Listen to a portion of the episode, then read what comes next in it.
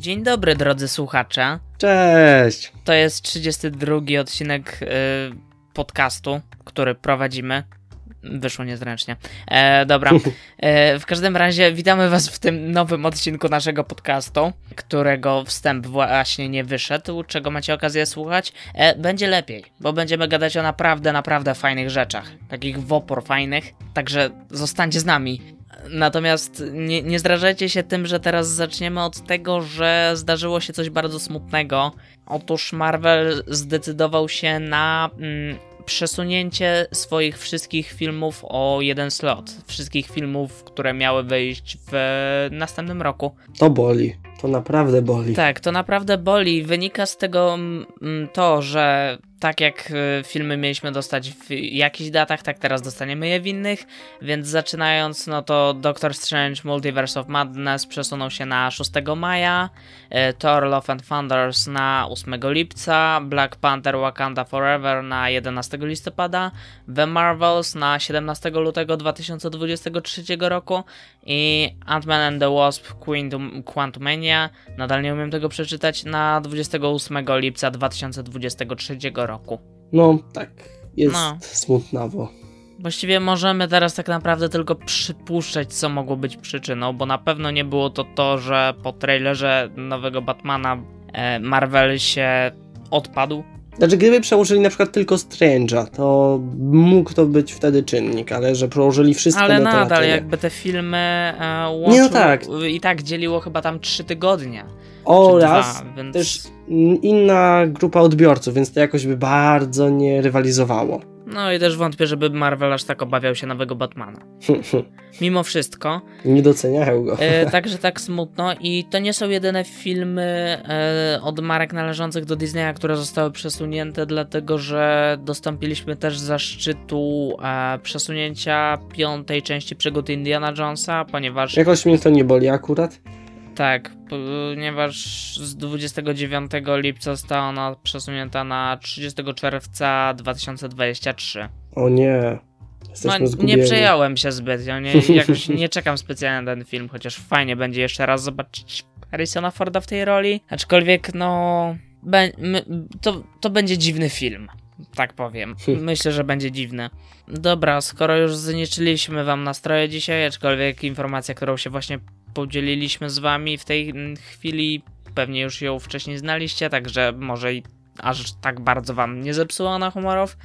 E, w każdym razie przechodząc do rzeczy fajniejszych. Otóż e, w zeszłym tygodniu odbył się DC Fandom, czyli taki doroczny jakby, taka doroczna konferencja prowadzona przez Warner Brothers yy, o wszystkich markach powiązanych z DC. Zaprezentowano tam dużo, dużo, dużo nowych rzeczy, reklam nowych rzeczy, wszystkiego praktycznie nam dużo zaprezentowano. Natomiast ja do pewnego momentu oglądałem tą konferencję na żywo i dwie ciekawe rzeczy. Pierwsza jest taka, że na kanale Warner Bros. Brothers Polska y, transmisja odbywała się z automatycznie generowanymi polskimi napisami które były jakości, krótko mówiąc, tragicznej. Jeżeli w trakcie konferencji wchodziliście na Twittera, no to mogliście zobaczyć o co chodzi. Albo jeżeli po prostu konferencję oglądaliście. Także to na minus. Na minus też to, że dla mnie przynajmniej osobiście konferencja była dość nudna, to znaczy większość rzeczy, która została zaprezentowana albo była takimi zepchaj dziurami, albo zwyczajnie ich nie kojarzyłem, albo mnie one po prostu nie obchodziły z jakiegoś powodu. E, rzeczy stosunkowo ciekawych mieliśmy mało.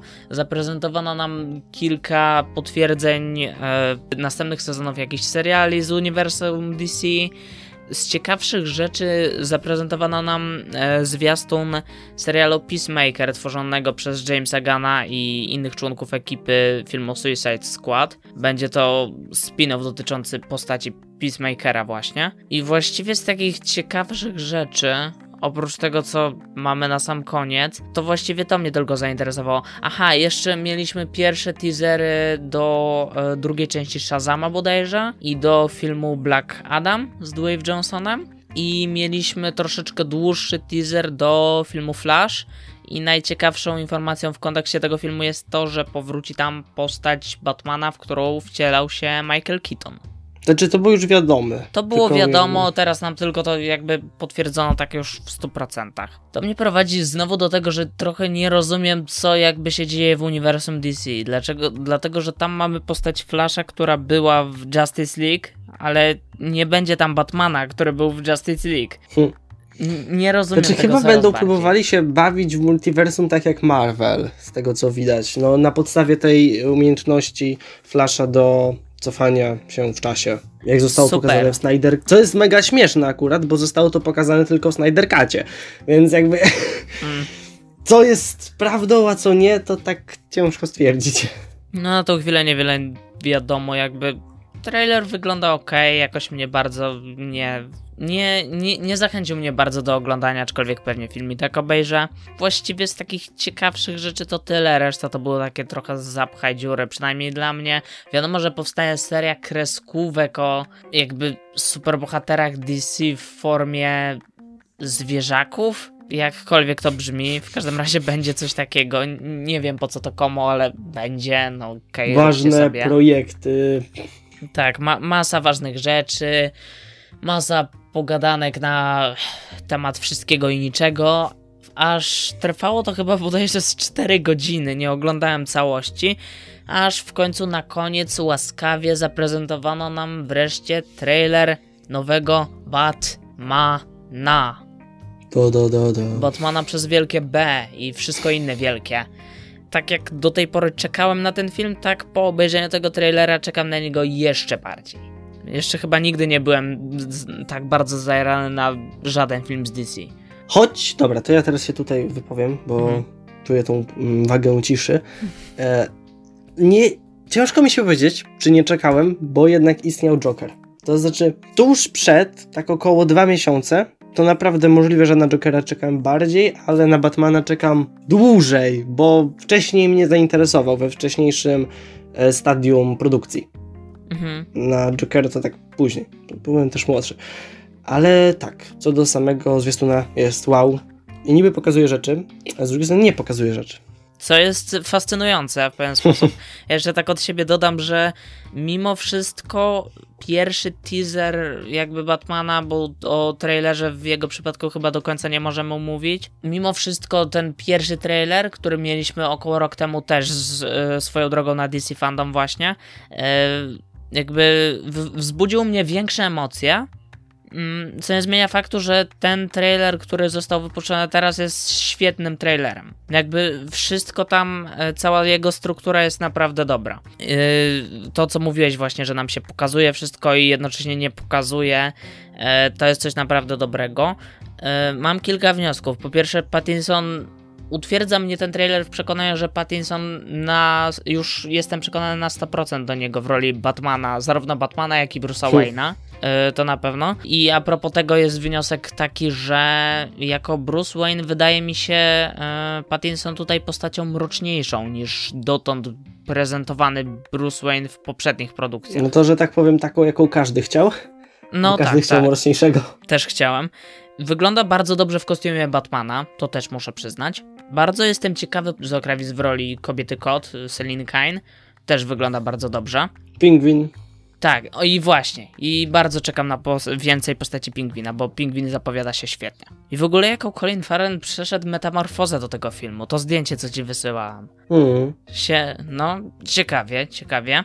I też widać, że będzie to coś mrocznego, podobnie jak Batmany Nolana, ale ten Batman będzie mroczny w inny sposób, zupełnie inny tak, sposób. Tak, to znaczy tutaj e, spotkałem się często z takimi opiniami yy, i też się z tym zgadzam, że Batmany Nolana nie tyle były mroczne, co bardziej szorstkie i rzeczywiste, tak jak, jakby każdy film, wiesz, Incepcja i tak dalej. Tak, A tak, tutaj tak. mamy do czynienia też w muzyce na przykład, jak e, został na Dzień Batmana taki fragmencik wydany, który potem się okazało, że jest fragmentem, który jest e, w trailerze pod koniec, to ta muzyka brzmi tak bardziej gotycko, jest tym więcej jakby emocji, a nie takiej czystej techniki. Tutaj... Jak, no, muzyka Cimmera. No wiadomo, że filmy Nolana są bardzo surowe i Nolan zwykle skupia się na kreowaniu światu niż postaciach.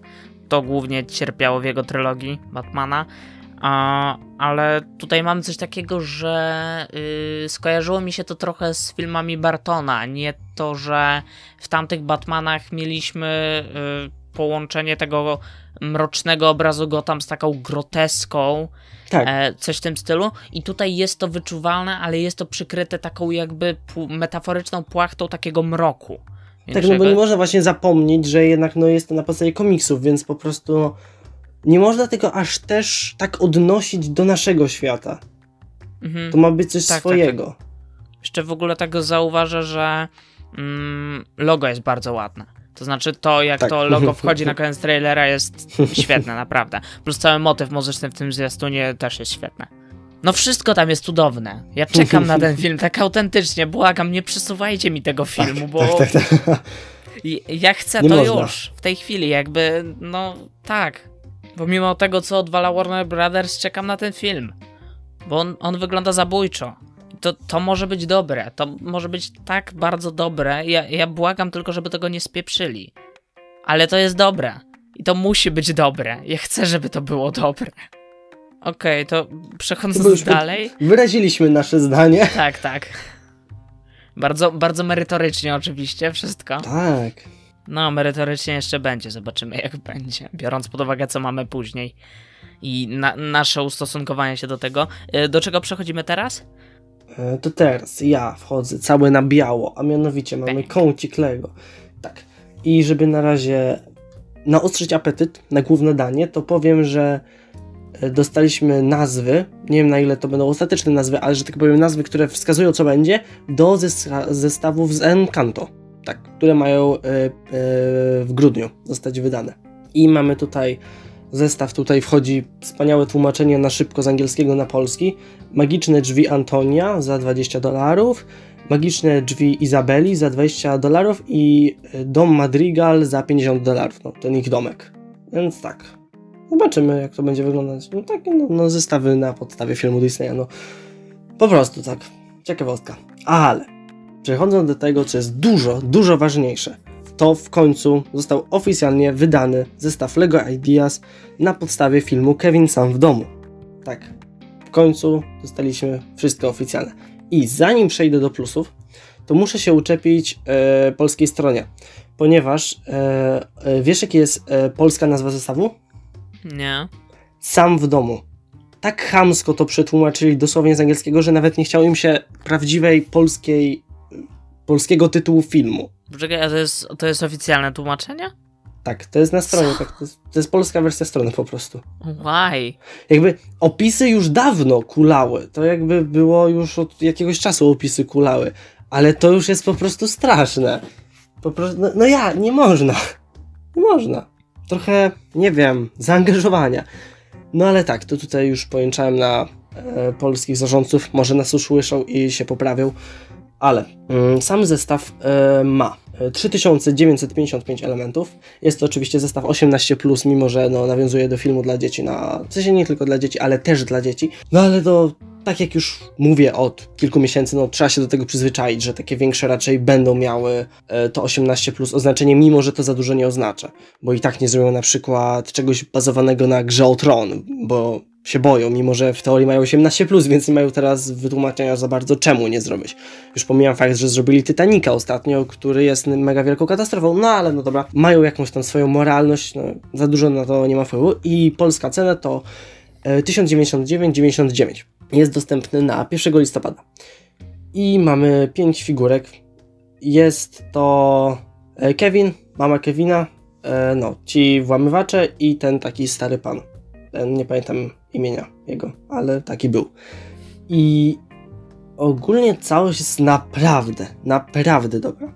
Bo jest to zestaw dużo większy niż ktokolwiek e, przypuszczał. No, e, wystarczy powiedzieć, że rozmiary to uwaga, uwaga. Wysokość 27 cm, szerokość 34 cm i głębokość 37 cm. Ka- kawał rzeczy, bo tak e, prosto ujmując. I chyba coś, co mnie najbardziej zachwyciło, e, to to, że mnóstwo z różnych pułapek Kevina naprawdę ma funkcję, tak zainstalowane, że coś się dzieje, że spada ta farba, czy no, e, żelazko jest e, no, nagrzewane, no wiesz o co chodzi. mhm. rozumiesz przekaz. Praktycznie, jako że film sam dzieje się głównie w domu, to praktycznie no, da się cały film odtworzyć, bo jest to no naprawdę, no, mamy łazienkę, mamy kuchnię, no wszystko. I też sam, sam system otwierania jest bardzo fajny, bo nie tylko możemy zdejmować piętra, żeby zobaczyć e, od góry pokoje, ale możemy też otworzyć e, takie ściany przednie i wtedy jest taki dostęp, nazwijmy to horyzontalny. Mm, jest też e, domek Kevina, domek na drzewie i no, furgonetka włamywaczy, ale tutaj, żeby też się przyczepić, to też jest, została inna rzecz bardzo ciekawie przetłumaczona, a mianowicie zostali oni przetłumaczeni na mokrzy bandyci. O Boże, ale okej, okay, okej, okay, okej, okay, dobra, dobra. Ja potrafię to uzasadnić. E, tylko to będzie z pewnego rodzaju spoiler do Kevina samego w domu. Dobra. Kto nie oglądał Kevina samego w domu, błagam. E, dobra, bo chodziło o to, że mm, oni robili coś takiego, że y, tam jak obrabowywali dom, to jednocześnie jakby puszczali wodę z każdego kranu i jakby i zatykali odpływy szmatkami. O, żeby zatopić dom i wymyślili sobie ksywę, że będą nazywać się Moksi Bandyci. I stąd A naprawdę było tak w polskim tłumaczeniu, było tak? E, o Boże. Tak było w lektorze, z, mm, na Polsacie z lektorem. Okej, okay. okay. no dobra, no to uznajmy, że to jest oficjalne polskie tłumaczenie. A, no to nie wiedziałem, to przepraszam, że się uczepiłem, to teraz się po prostu uczepię polskiego ogólnie rzecz biorąc tłumaczenia, bo to źle brzmi po prostu. E, ale tak, ja nie wiem, może się zdecyduję, ale zanim musiałbym jeszcze raz obejrzeć tak bardzo uważnie sam film, żeby porównać, czy wszystko jest tak perfekcyjnie odwzorowane, ale no ja jestem akurat, e, tutaj mam dziwny przykład człowieka, bo wszyscy się cieszą, że jest taki wielki, a ja natomiast bym wolał, gdyby był mniejszy, na przykład bez tylnej ściany, której i tak nigdy nie widać, a byłby tańszy, tak to. E, lepiej by to zadziałało na moje fundusze. Ale jeżeli jesteście jakimiś mega fanami Kevina samego w domu, no to proszę bardzo, już wiecie, co sobie kupować na święta, albo komuś kupować na święta, jeżeli kogoś znacie, e, kto przypada za tym filmem. Można nawet budować oglądając święta, więc w ogóle dwa w jednym. Ale tak, to na dzisiaj to jest koniec kącika Lego. Dziękuję za uwagę. Okej. Okay. E, dobra, to zanim przejdziemy do kolejnego takiego segmentu, można by powiedzieć, to rzucę kilkoma takimi informacjami. E, jakiś czas temu zaczęły się pojawiać nowe anima- e, informacje dotyczące serialu o Obi-Wanie Kenobim, które ma się pojawić za niedługo na Disney+. Plus. I jedną z informacji było to, że powróci tam Hayden Christensen do roli Anakina Skywalkera slash Darda Vadera. I teraz się okazuje, że to nie będzie mm, jedyny serial, w którym Hayden Christensen tak, się pojawi. Jest, tak, tak, tak, dlatego, że pojawi on się też w serii Asoka. I teraz już skmina jak? Raczej duch mocy ale nie jest to pewne. Nie mam pojęcia, ale to teraz będziemy mieć e, uniwersum Haydena Christiansena zamiast uniwersum Gwiezdnych Wojen. Bardzo dobrze. Ja go bardzo lubiłem. Będą, będą cameo z e, Haydenem Christiansenem. No, ciekawie, dobra. No, no dziwne, no ale spoko, dobra, no. Nadal jestem sceptyczny do każdego projektu z Gwiezdnych Wojen obecnie, no ale zobaczymy, co z tego wyjdzie.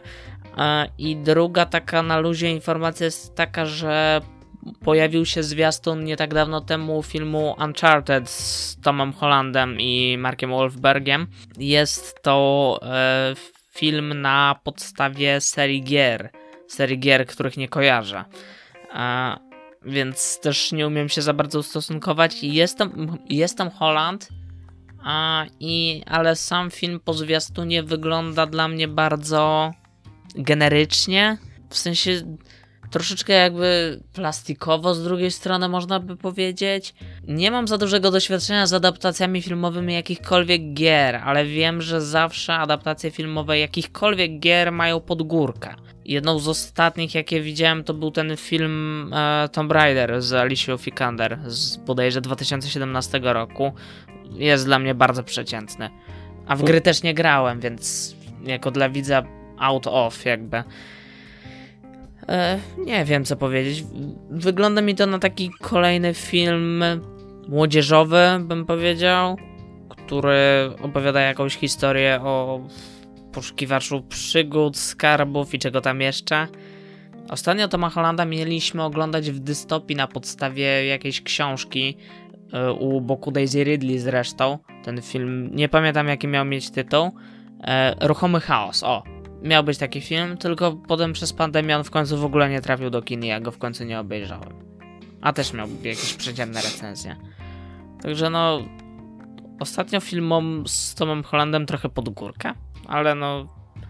To nie jest... to nie jego wina. Także no nie wiem, zobaczymy co z tego wyjdzie. Zobaczę, że będę chciał na to pójść w ogóle i tak dalej.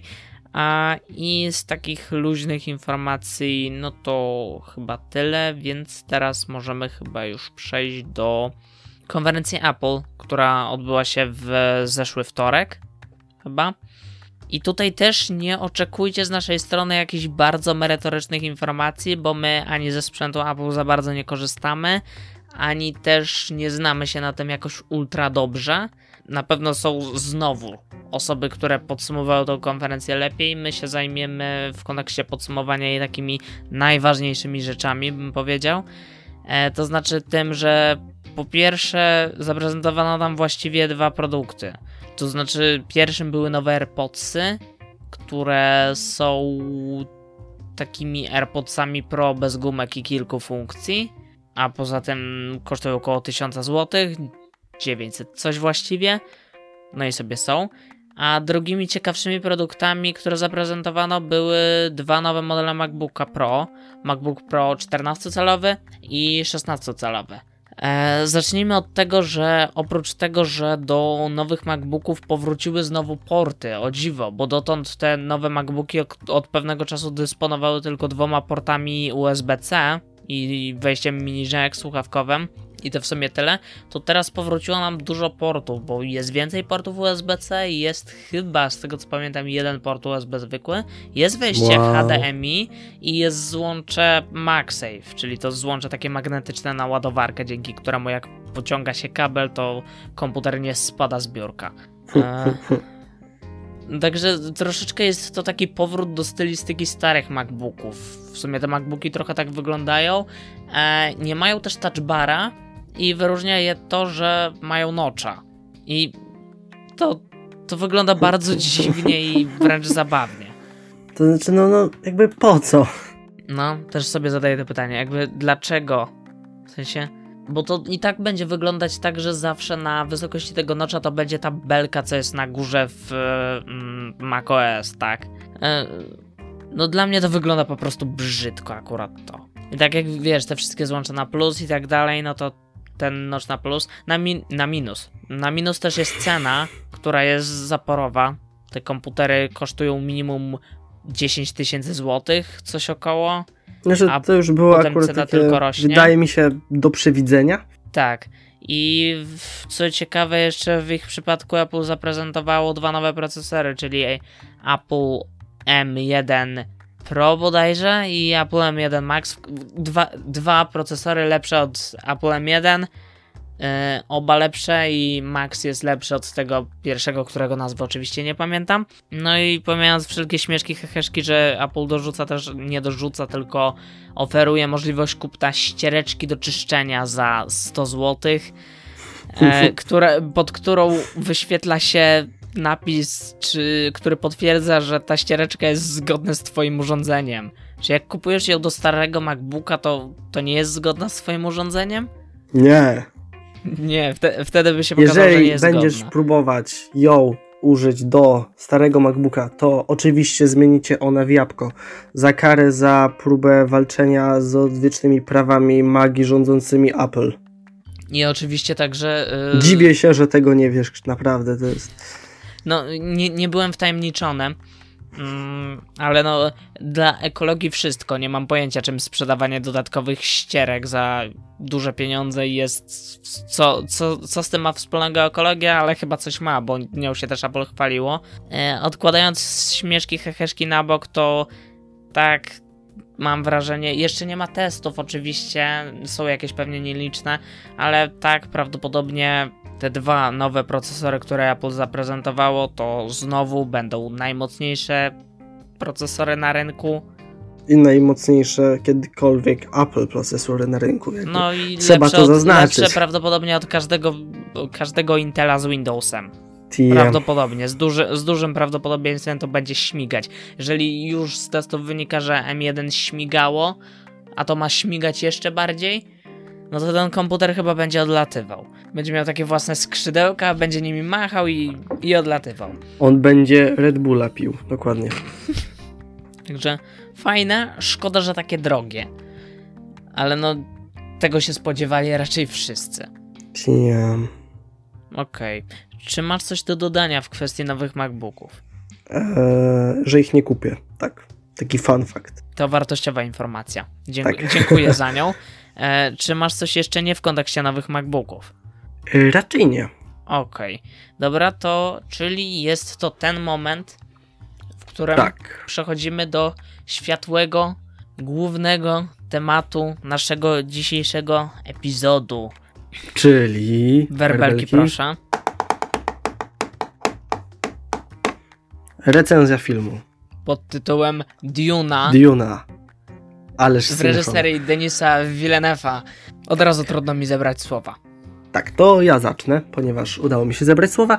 I tak, powiem tak, dla osób, które obawiają się spoilerów, to powiem tak, tak, obawiajcie się spoilerów, i jeżeli, no, nie czytaliście książki, no bo jeżeli czytaliście, to i tak, ale jeżeli obawiacie się spoilerów, to po prostu wyłączcie, idźcie do kina, wróćcie, odpauzujcie. Dziękuję, nie ma za co. E, Ten krok przechodzimy z iściem do dalej kina do- jest bardzo ważny. I Dlatego, przechodzimy że- właśnie Tak. Bo mimo Do wszystko idźcie na film. Idźcie na film. Koniecznie idźcie na film. Nie, nie musicie czytać książki, chociaż możecie, bo też jest fajna, ale idźcie na film. Koniecznie. Idźcie na ten film, bo on wymiata. Najlepiej idźcie do IMAXa w 2D, jak złapacie, złapiecie seans. Jest trudno, ale a generalnie to idźcie. Po prostu idźcie. Proszę. E, nie, ja, ja już tak, możesz kontynuować, bo widzę, że A, jestem bardzo No to zapalony. tak jak mówiłeś, będziemy filmować spoilerowo. Jakie miałeś oczekiwania i jaki był twój nastrój przed wybraniem się na Dune do kina? Tak, właśnie sytuacja wygląda tak, że ja nie miałem praktycznie żadnych oczekiwań, oprócz tych, że wszyscy mówili, że to musi być dobre, bo książka była dobra, ponieważ właśnie nie czytałem książki. Więc tak, praktycznie nie miałem oczekiwań. To czy miałem na zasadzie, no, no, Warner, no niech to będzie dobre, no nie chcę tracić czasu, coś, taki, taki poziom oczekiwań. Okej, ja, ja byłem w zupełnie innej sytuacji, bo po pierwsze książkę czytałem, więc to od razu też Tak, to wpływa tak. na mój odbiór i ocenę filmu prawdopodobnie w jakiś sposób. A, I poza tym miałem oczekiwania dosyć wysokie już na początku, już po przeczytaniu książki, obejrzeniu pierwszych zwiastunów i tak dalej. E, natomiast dzieląc się swoimi mm, dygresjami na ten temat e, z różnymi ludźmi w internecie, mój poziom hypu na film był skutecznie podbudowywany przez ostatnie miesiące, e, aż w końcu, kiedy wybrałem się na film, no to trzęsłem się z ekscytacji po prostu, bo tak chciałem, żeby ten film był dobry. E, I też e, od razu mogę wspomnieć o tym, że co jak co, ale kampania marketingowa filmu i cała sytuacja związana z nim jest absolutnie żałosna w tej chwili. A, dlatego, że kampania marketingowa była zerowa, Warner zawiódł kompletnie. Nie wiem, czy widziałeś, ale przez ostatni tydzień y, kanał Warner Bros. Polska na YouTubie się obudził nagle i zaczął wrzucać filmy promujące nową Dune bez polskiego tłumaczenia na polski kanał Warner Brothers, cudowne. Cała ta sytuacja związana z tym, że w Polsce wchodzi ten film do kin dopiero teraz, kiedy choćby w Holandii można było go już oglądać od 15 września. To czy, Jest żeby to właśnie tutaj to zaznaczyć, to z tego co się orientuję, to w Ameryce też dopiero teraz ma premierę. E, tak, tak, tak. I w Australii, Tak, no, ale w tak. sporej części krajów europejskich film już dawno wszedł do kin. I teraz już go praktycznie w nim nie ma. Nie było też w Polsce pokazów przedpremierowych, żadnych.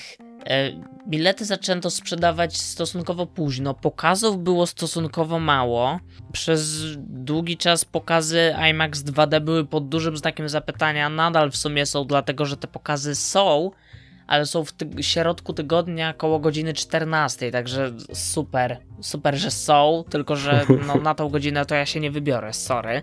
E, no, naprawdę przykra sytuacja, biorąc pod uwagę jeszcze, że film e, kosztował dużo, a, a jego zarobki są pod znakiem zapytania, dlatego że jednocześnie teraz film trafił na HBO Max, przez co jest, może być już piracony bez większego problemu i jest prawdopodobnie piracony.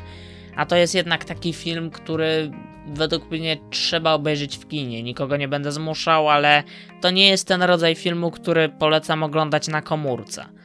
Bo on, bo on do tego się po prostu nie nadaje. Tak, to trochę, to się, to, to, trochę inna klasa filmu, jeśli chodzi o poziom, ale też na przykład Godzilla też no, się nie powinno oglądać na telefonie. No wiadomo. Jeśli chodzi tak, o tak. kontekst e, doznań wizualnych. Tak, tak, tak. Najlepiej, no jeżeli macie jakiś dobry telewizor w domu, to super, ale i tak najlepiej iść do kina po prostu. Też, żeby ten film zarobił, bo jest parę e, powodów, dla których on powinien jednak zarobić i są to powody, podejrzewam, Pod tytułem Chcemy drugą część. dokładnie. I jak tak. będzie małe zarobki, to nie dostaniemy drugiej części, a ja chcę drugą Tak. część, więc Aczkolwiek, jeżeli już przy tym jesteśmy, to Warner Brothers się o tym wypowiadał, to znaczy jak jacyś tam ludzie z kierownictwa tej okropnej wytwórni, której nienawidzę, mimo wszystko, e, i powiedzieli, że coś w rodzaju, że jeżeli oglądaliście film i wiecie jak się kończy, no to możecie sobie sami odpowiedzieć na pytanie, czy będzie druga część.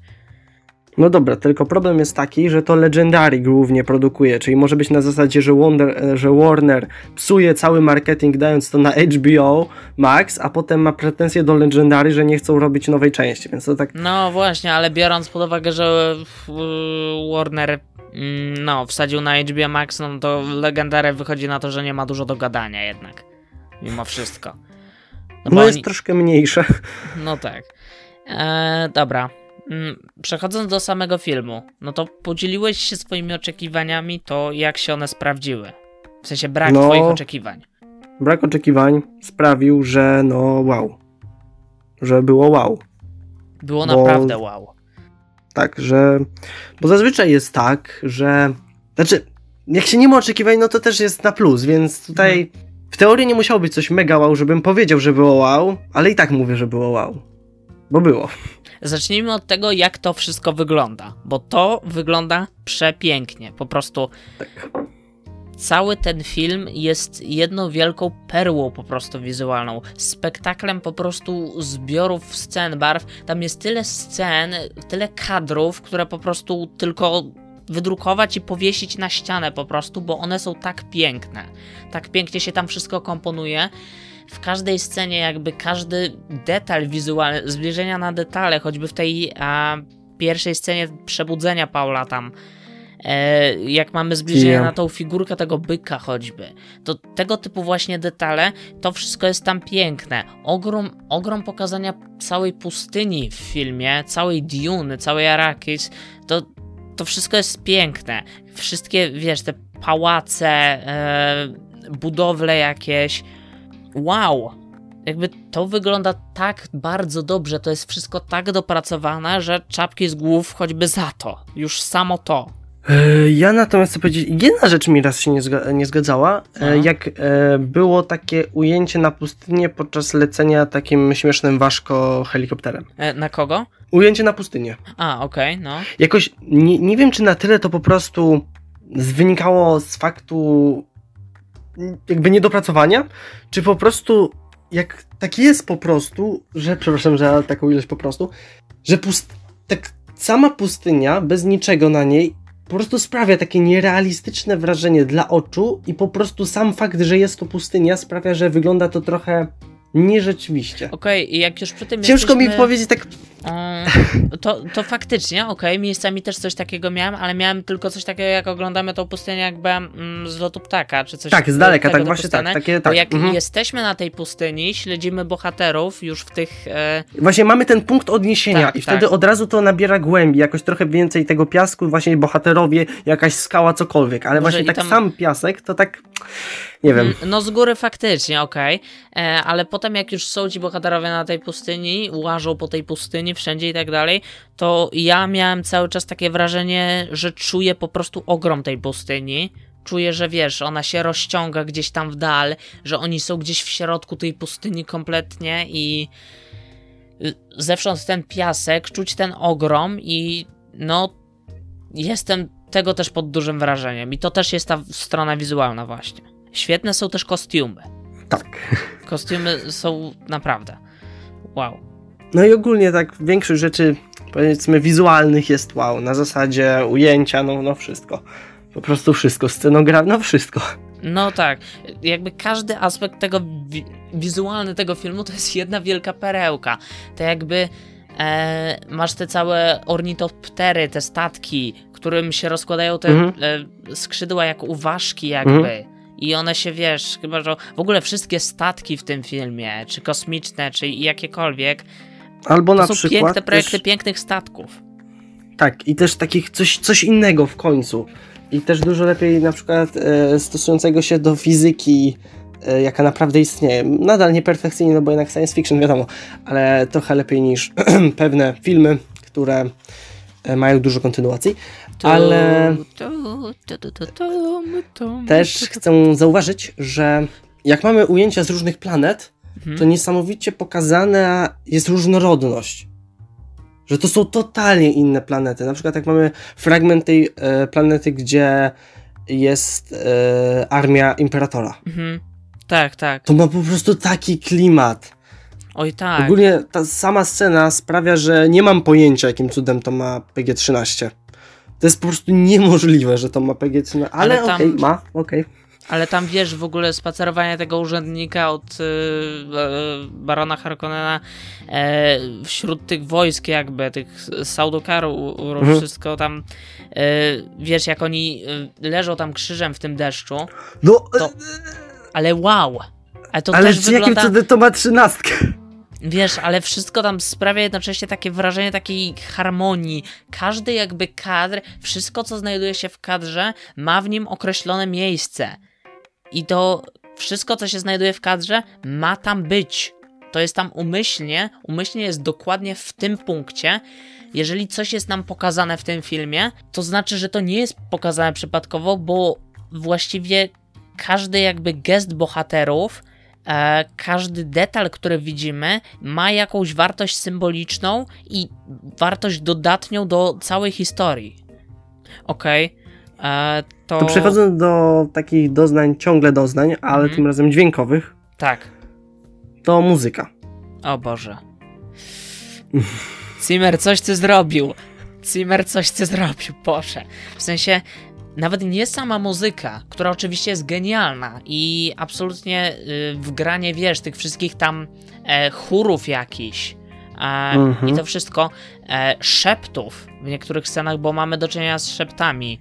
Na przykład w przypadku motywów muzycznych dotyczących scen z udziałem Bene Gesserit, to jest oczywiście wszystko świetne i super, ale oprócz tego całe udźwiękowienie w tym filmie, bo to samo co mówiłem o detalach, to tu też mam wrażenie, że każdy dźwięk jaki słyszymy jest w jakiś sposób potrzebny. Jego intonacja, siła z jaką słyszymy ten dźwięk, kiedy on albo narasta, albo jest wręcz odwrotnie z nim. E, ta scena, w której e, mamy tą matkę wielebną rozmawiającą z baronem i na początku mamy e, pokazane, że osłania ich tak jakby ta ściana ciszy, chyba tak to się nazywało. E, I e, jakby przez chwilę przytłu- e, słyszymy te głosy przytłumione. To też jest świetny początek tej sceny. Ogólnie też jakby no jakość dialogów, to i tak pod kątem jakości dialogu i pod kątem jakości dialogu właśnie dźwiękowo. No właśnie, tak, bo dialogi też nie brzmią plastikowo. I też, albo mamy też całą, wiesz, operowanie głosem tam. Głosem, Mhm. w sensie głosem przez duże G. No A- tak, i te zabawy językami na przykład. A, Ten tak, taki tak, jeden śmieszny, konkretny. Znaczy taki niby śmieszny, ale też taki hipnotyzujący. Mhm. Bo cały ten film jest tak naprawdę jednym wielkim czymś, co hipnotyzuje po prostu. I ja wiesz, to trwało te 155 minut. Zacząłem to oglądać a, i ja osobiście, znając tą historię z książki, a, nie oglądałem poprzednich ekranizacji, ale znając tą historię z książki, momentalnie po prostu utonąłem w niej w tym momencie. E, I e, przez cały czas trwania filmu czułem, że po prostu tonę i zanurzam się to w to coraz głębiej coraz głębiej. I kiedy w końcu się to skończyło, po tych 155 minutach ja miałem takie, ale to już? Ale ja chcę więcej. Jakby to jest jednocześnie coś fantastycznego, a jednocześnie jest to jeden z nielicznych problemów, jakie mam z tym filmem, że kiedy w końcu on się kończy, to ja mam po prostu a, niedosyt. biorąc pod uwagę, że on jest tylko częścią historii, bo Duna od początku miała być podzielona na dwie części w przypadku filmów. I niedosyt mam no kompletny. Ogólnie, znaczy chodzi ci o to, że teraz, że tak się skończyło, tak? Że chcę od razu drugą część. Tak. po I ogólnie miałem taką refleksję, że dawno nie było czegoś takiego, żeby było aż tak odgórny plan na dwie, trzy części, czegokolwiek. To znaczy, chodzi mi, że ostatnio ciągle są sequele i nawet jeżeli tworząc pierwszą część ktoś już coś myślał o sequelu, to prawie zawsze jest to totalnie niezwiązane. A nawet jeśli jest, to jednak jest jakaś przerwa czasowa. A tutaj mamy coś, czego nie widziałem, a przynajmniej nie przypominam sobie, od czasów Władcy Pierścieni. Mhm. Bo Władca Pierścieni kończy się dokładnie w ten sam sposób. No, ro, Że każda rozumiem, część się kończy chodzi. i zaczyna do, no w tym samym momencie po prostu. Tak, i tutaj jakby Że można, mamy... by, można by to skleić i wyszedłby 9-godzinny Tak, tak, tak. seans. Jakby y, i tutaj mamy też coś takiego, że y, y, m, to znaczy nie możemy tego w 100% stwierdzić. Będziemy mogli to stwierdzić dopiero po obejrzeniu drugiej części Duny, która tak naprawdę na razie nie istnieje w praktyce. E, Co mnie ale smuci. mimo wszystko myślę, że kiedy już wejdzie ta druga część, to są moje przypuszczenia, ale że po prostu biorąc pod uwagę jak wygląda książka, em, no to będziemy mieć tutaj do czynienia z dwuczęściowym filmem, jakby, który jest po prostu spójną całością i właśnie tego nie mieliśmy od dawna, tak? Tak, właśnie o tym mówię. No, Ogólnie no, trzeba zauważyć, że na samym początku jest że zaznaczone część pierwsza. Tak, tak, tak, no tak, więc- tak. No i też od, było, od kiedy wiadomo było, że Duna powstaje, wiadomo było też, że będą dwie części. No tak. Bo książka to jest 900-stronicowy po prostu kloc, którego nie da się pomieścić w jednym filmie dwugodzinnym, czy nawet trzygodzinnym, nie ucinając części wątków. I tutaj tak. Patrz, książki... zakon Feniksa. Tak, i tutaj takie moje, wtrącę takie swoje wrażenia mm, i porównanie powiedzmy względem pierwowzoru literackiego. Mianowicie moje wrażenia są takie, że tutaj ucięte jak na razie z materiału książkowego chyba nie mamy praktycznie nic.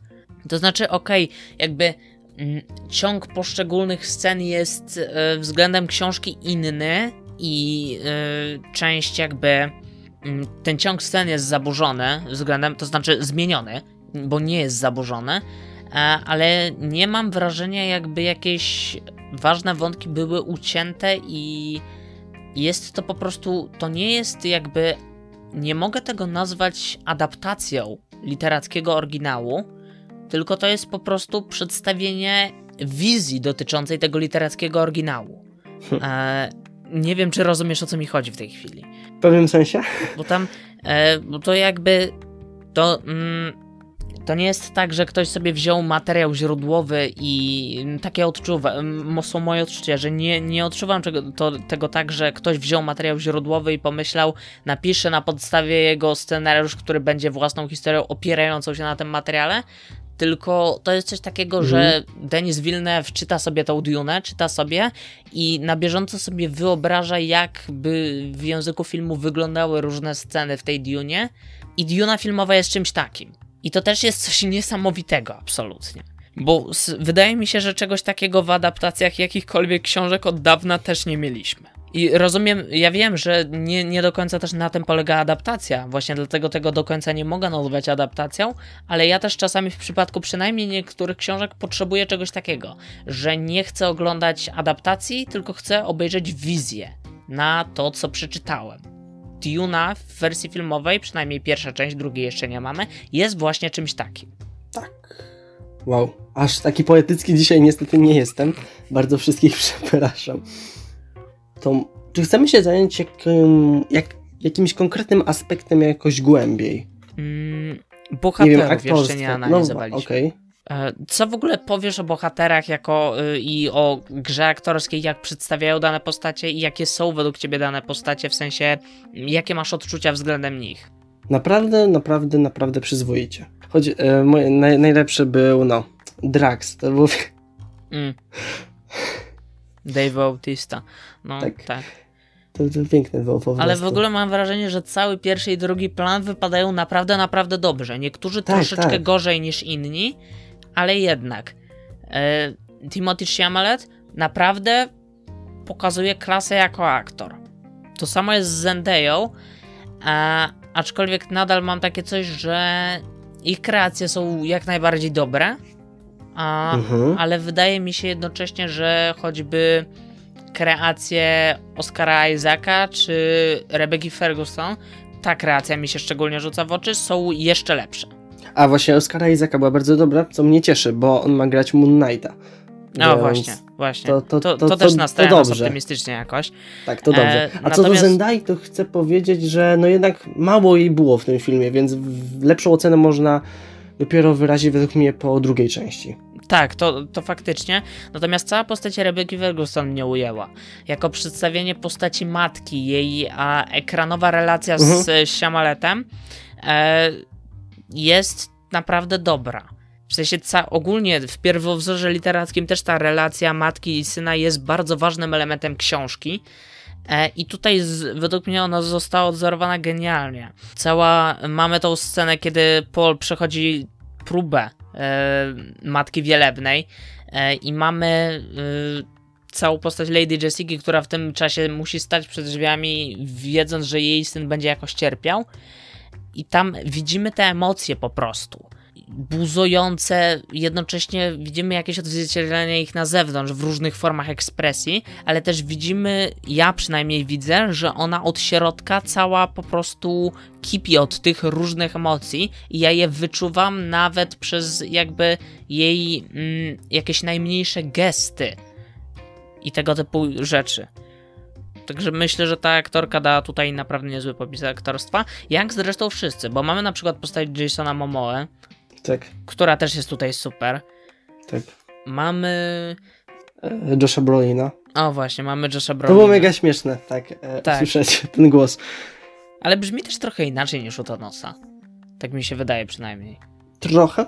Mnie Mam wrażenie, że jak słyszysz inaczej. głos od czegoś w stylu fioletowego kalka połączonego z crunch chipsem, to no. Okej, E, to, a- to też może mieć jakiś, to też jest pewnie jakimś wyznacznikiem. Ja też chcę powiedzieć teraz o czymś, co na tobie raczej nie zrobiło już takiego wrażenia. Mhm. E, na mnie bardziej, bo dla mnie cały ten świat był nowy. E, I no sama właśnie budowa świata, Mhm. że to jest tak mega ciekawy koncept. To jest coś, czego w science fiction dawno nie było, w sensie filmowy, no bo książka już jest stara.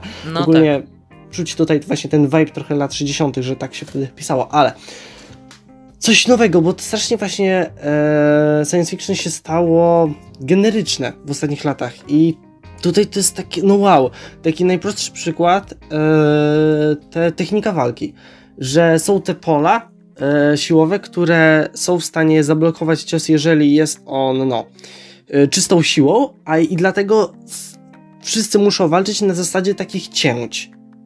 Bo tylko w ten sposób da się e, przejść przez to pole. I to jest naprawdę no, wszystko jest takie połączenie trochę właśnie klimatu science fiction, trochę nawet z post-apo, w tym przypadku pustyni, i jeszcze z klimatem takim e, starożytności. Na zasadzie, że jakby w pewnym sensie ludzkość, mimo że na przykład się rozwinęła i tutaj nie wiem do końca jak to wygląda w książkach, ale tak dopowiadając e, i na przykład właśnie op, no, opanowała inne planety i tak dalej, to jednak potem w pewnym sensie się trochę cofnęła w rozwoju do tych bardziej pierwotnych form, mimo że technologicznie jest dużo bardziej rozwinięta. Tak, i to też jest właśnie jeden z takich bardziej fascynujących e, i oryginalnych jak, e, aspektów, jakie prezentuje sobą Duna.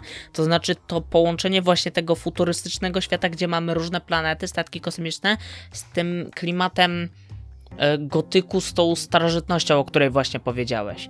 I to jest fascynujące i to jakby odzwierciedle i to czuć, kiedy się czyta oryginał literacki i to też Villeneuve świetnie przełożył właśnie na język filmu. E, to, ja właśnie czuję tutaj trochę taki vibe Lema. Tak mi się wydaje, że gdyby zrobić ekranizację jakiegoś, e, jakiejś książki Lema, to byłoby to coś podobnego. Mhm, okej. Ja, ja nie, nie mogę się wypowiedzieć, bo z twórczością Lemma za wiele do czynienia nie miałem dotąd, nie? E, więc, ale możliwe.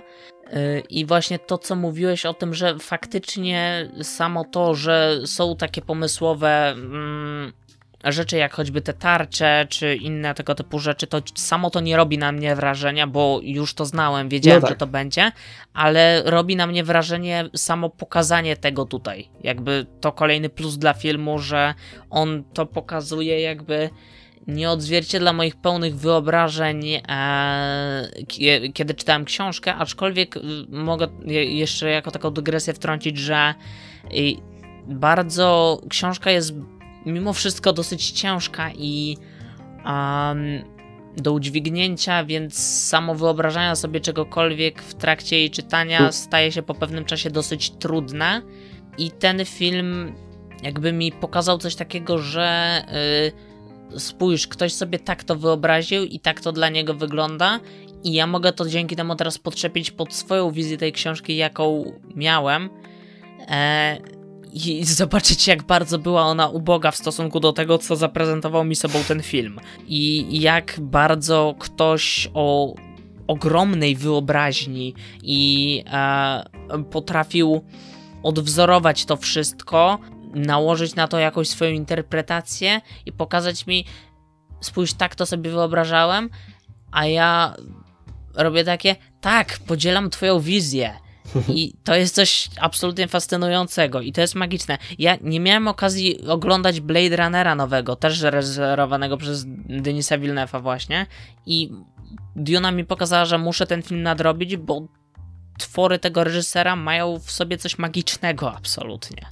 Wydaje mi się, że to po prostu jest taka no, różnica między filmami i książkami, że w książkach sam ćwiczysz wyobraźnię, a w filmie właśnie podziwiasz i interpretujesz wyobraźnię innych. No tak, tak, tak, tak to działa. Jeszcze w ogóle jak mówiłem o y, kontekście um, pierwowzoru literackiego, to jeszcze mogę tu przytoczyć takie jedno zdanie, które a, ktoś mi napisał y, i z którym się absolutnie zgadzam, y, jeśli chodzi właśnie o powieść a film. I to zdanie brzmi, to mi podrzucił jeden z użytkowników Twittera i ono brzmi Opowieść w filmie dobrze odwzorowuje tę książkę. Oglądając kolejne sceny, czujemy się stopniowo pochłaniani wydarzeniami. Zostajemy zaproszeni na pustynię i pochłonięci. Taka jest Arakis. I to zdanie myślę, że bardzo dobrze oddaje moje jakieś wrażenia po obejrzeniu tego filmu i po przeczytaniu pierwowzoru literackiego. Kończąc ten wątek. Jest to coś absolutnie głębokiego i magicznego i wizja tutaj zaprezentowana jakby pochłania mnie całkowicie i sama właśnie wizja oddania te, tej książki, która do oddania na ekranie jest bardzo trudna, e, no jest, jestem z nią w pełni zgodny i chyba nie mam do niej żadnych zarzutów.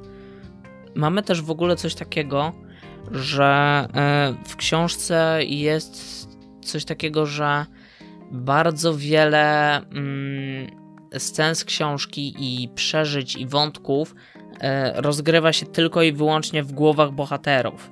I tutaj też zostało nam to pokazane bardzo dobrze. Wizje jakby pola całe.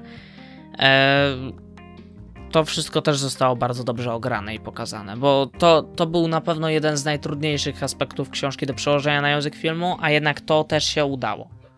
Czy jeszcze coś mówimy, czy przechodzimy do ocenki? No, ja, ja chyba już się pozachwycałem.